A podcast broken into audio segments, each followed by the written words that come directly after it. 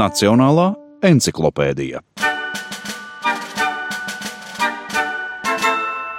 Mani sauc Laimute Balode, esmu valodniece, esmu īpašu vārdu pētniece. Un šajā encyklopēdijā esmu rakstījusi par Latvijas vārda cilmi. Tātad mūsdienu nosaukums Latvijā nav nemaz tik vecs. Tas ir zināms no 19. gadsimta otrās puses, un jā, konkrētāk tad no 1862. gada, kad Pēterburgas avīzēs tas bija minēts pirmo reizi. Un domājams, ka šāds nosaukums tika veidots pēc parauga Baltija. Tātad Latvija un Baltija, un Baltijas vārds arī parādījās tieši Pēterburgas avīzēs.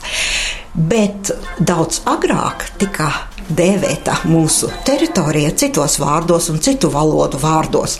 Tie bija gan Letigola, gan Letija, gan Letland.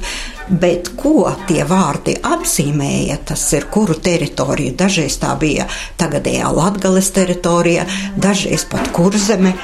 Un latviešu par latviešu zemi, piemēram, sauca Langijas 18. gadsimtā, par Latviju zemi sauca Stenders un tā tālāk.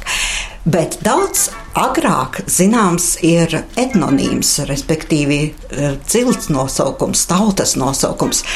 Latvija, jeb tajā laikā rakstīti kā leti, um, ir jau no 13. gadsimta ir zināmi.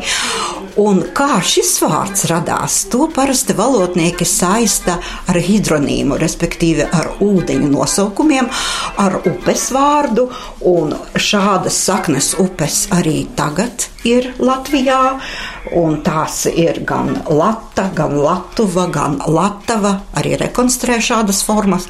Bet lielākais jautājums, kur tad ir šī upe? Un te nav īsti vienota viedokļa, jo, piemēram, Enzelīns domāja, ka tā ir lejas ciemā.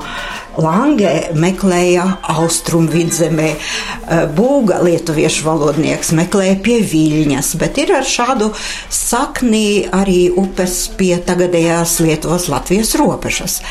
Un šī sakne ir ļoti sena, ir indoropiešu cilmes sakne ar nozīmi slapjš, mitrs, peļķe, dūksnājs. Tātad tā upe varētu būt ar šādu semantiku kā uh, dūņupe vai varbūt mālupe. Tātad tie bija cilvēki, kas dzīvoja pie šādas, šāda nosaukuma upes.